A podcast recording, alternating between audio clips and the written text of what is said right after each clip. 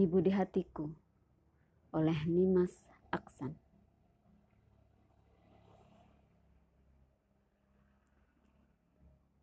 Menjadi seorang ibu bukan melulu perkara hamil dan melahirkan. Tanpa harus berdiam di rahimnya, aku tahu dialah ibu yang dipilihkan Tuhan untukku.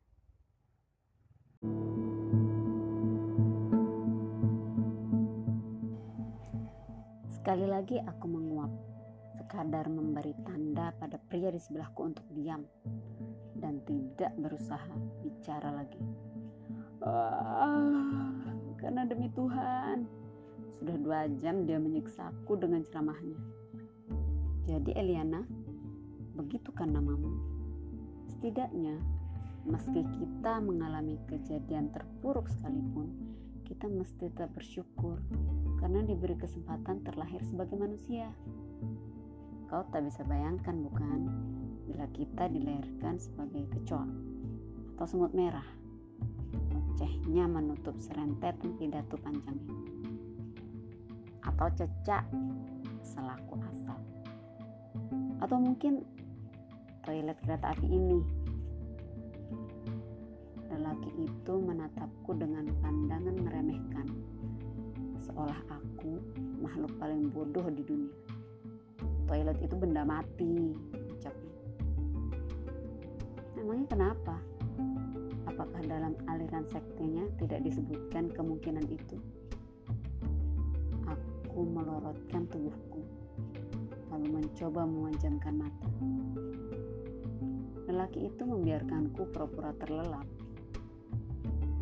Padahal alam pikiranku merambah ke mana-mana. Mengasingkan diri dari suara deru halus kereta api Argo di Pangga yang merayap menembus malam.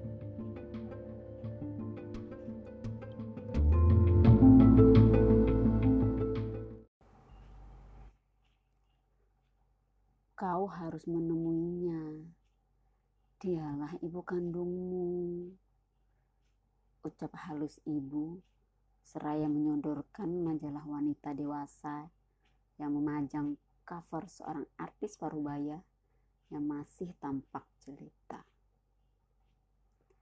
Kami sedang duduk bertiga di meja makan tadi pagi.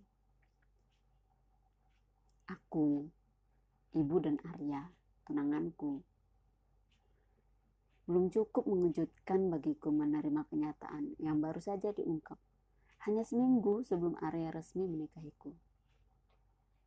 Kebenaran bahwa aku bukan anak kandung ayah dan ibuku.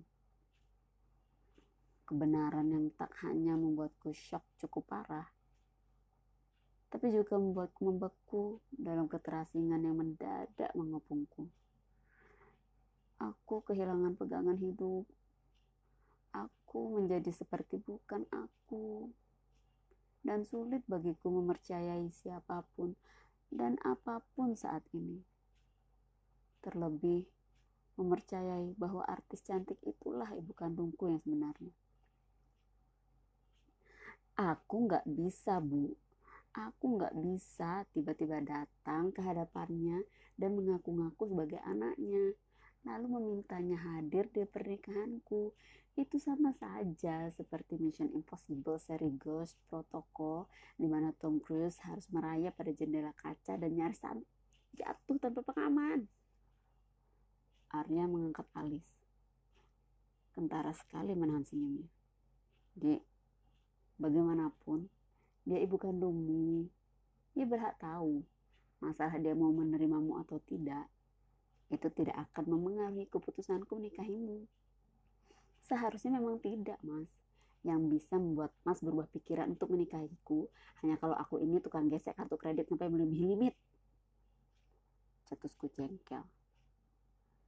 Dia sudah tahu tentangmu, Eliana. Kini aku menoleh pada ibu. Tahu tentang aku. Mm -mm beberapa tahun terakhir ini, setelah ayahmu meninggal dunia, kami sudah mulai berkomunikasi. Tepatnya, ibu mencoba menghubungi dia.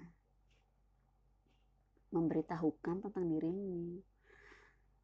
Karena kepergian ayahmu membuat ibu takut jika sewaktu-waktu ibu juga harus meninggalkanmu.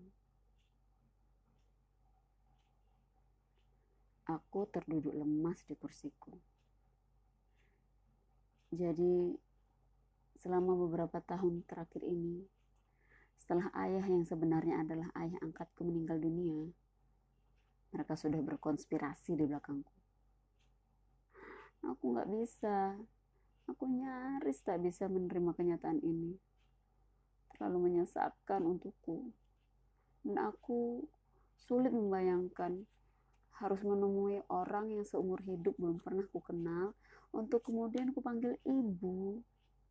Terlebih karena didesak secara serius oleh perempuan berhati lembut seperti berlian ini yang ku yakini selama 25 tahun hidupku sebagai ibu kandungku. Tapi ternyata bukan. Dia hanya orang lain yang harus melakukan operasi pengangkatan rahim di sebuah rumah sakit, di mana ada seorang remaja yang baru saja memulai karir sebagai artis sinetron stripping, sedang kebingungan lantaran baru saja melahirkan seorang bayi yang tidak diinginkannya. Melihat hal itu, dia tergerak hatinya untuk memungnya bayi mungil tersebut.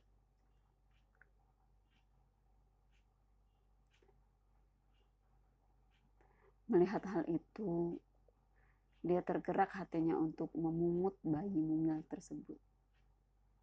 Memungutku dari tangan seorang remaja belia yang sedang bingung karena kelahiranku. Ah, aku tak mau menerima kenyataan ini. Tidak, terima kasih. Betapapun keras kepalanya aku, toh akhirnya aku terdampar di sini di kereta malam Argo Dwi Pangga yang bergerak dari stasiun Solo Balapan menuju Jakarta.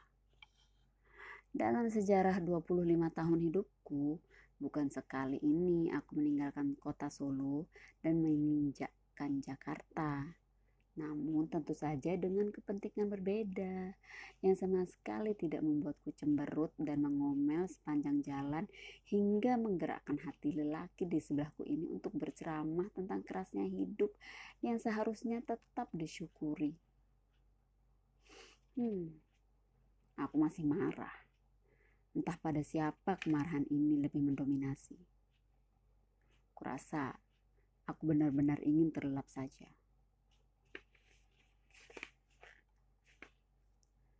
Stasiun Gambir Stasiun Gambir pada pukul 6 pagi.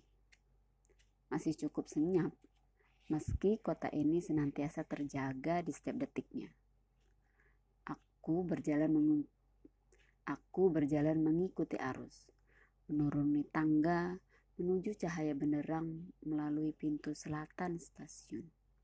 Berhenti di tempat pemesanan taksi dan memesan taksi. Tentu saja, hanya taksi yang bisa mengantarku menuju sebuah coffee shop yang buka 24 jam di daerah Bendungan Hilir. Coffee shop itu langganan para selebritis yang sering membutuhkan kafein karena harus begadang demi menjalani rutinitas syuting. Konon, ibuku akan menemuiku di sana. Namun, ketika taksi benar-benar berhenti di depan coffee shop yang ternyata masih begitu ramai oleh manusia-manusia insomnia, namun ketika taksi benar-benar berhenti, namun ketika taksi benar-benar terhenti di depan coffee shop yang ternyata masih begitu ramai oleh manusia-manusia insomnia, namun, ketika taksi benar-benar terhenti di sebuah coffee shop yang ternyata masih begitu ramai oleh manusia-manusia insomnia, kemarahanku tak kunjung reda. Bahkan memuncak ubun-ubun dan mendesak-desakkan hawa panas dan ngilu di kelopak mataku. Ku tahan sekuat tenaga untuk mengenyahkan keinginan menangis. Lalu aku beranjak masuk dan memilih dulu Lalu aku beranjak masuk dan memilih duduk di sisi sebuah jendela yang berembun. Sendirian, di tengah keriuhan kelompok-kelompok kecil bertampang lecek. Aku segera memesan segelas cappuccino dan kue waffle. Wajah ibuku, ibu angkatku. Sekali lagi aku menguap, sekadar memberi tanda pada pria di sebelahku untuk diam dan tidak berusaha bicara lagi. Ah, karena demi Tuhan, sudah dua jam dia menyiksaku dengan ceramahnya. Jadi Eliana, begitu kan namamu? Setidaknya, meski kita mengalami kejadian terburuk sekalipun, kita mesti tetap bersyukur karena diberi kesempatan terlahir sebagai manusia. Kau tak bisa bayangkan bukan, bila kita dilahirkan sebagai kecoa atau semut merah. Ocehnya menutup serentetan pidato panjangnya. Atau cecak selaku asal atau mungkin toilet kereta api ini. Lelaki itu menatapku dengan pandangan meremehkan, seolah aku makhluk paling bodoh di dunia. Toilet itu benda mati, ucapnya. Emangnya kenapa? Apakah dalam aliran sektenya tidak disebutkan kemungkinan itu? Aku melorotkan tubuhku lalu mencoba memejamkan mata. Lelaki itu membiarkanku pura-pura terlelap. Padahal alam pikiranku merambah ke mana-mana. Mengasingkan diri dari suara deru halus kereta api Argo di Pangga yang merayap menembus malam.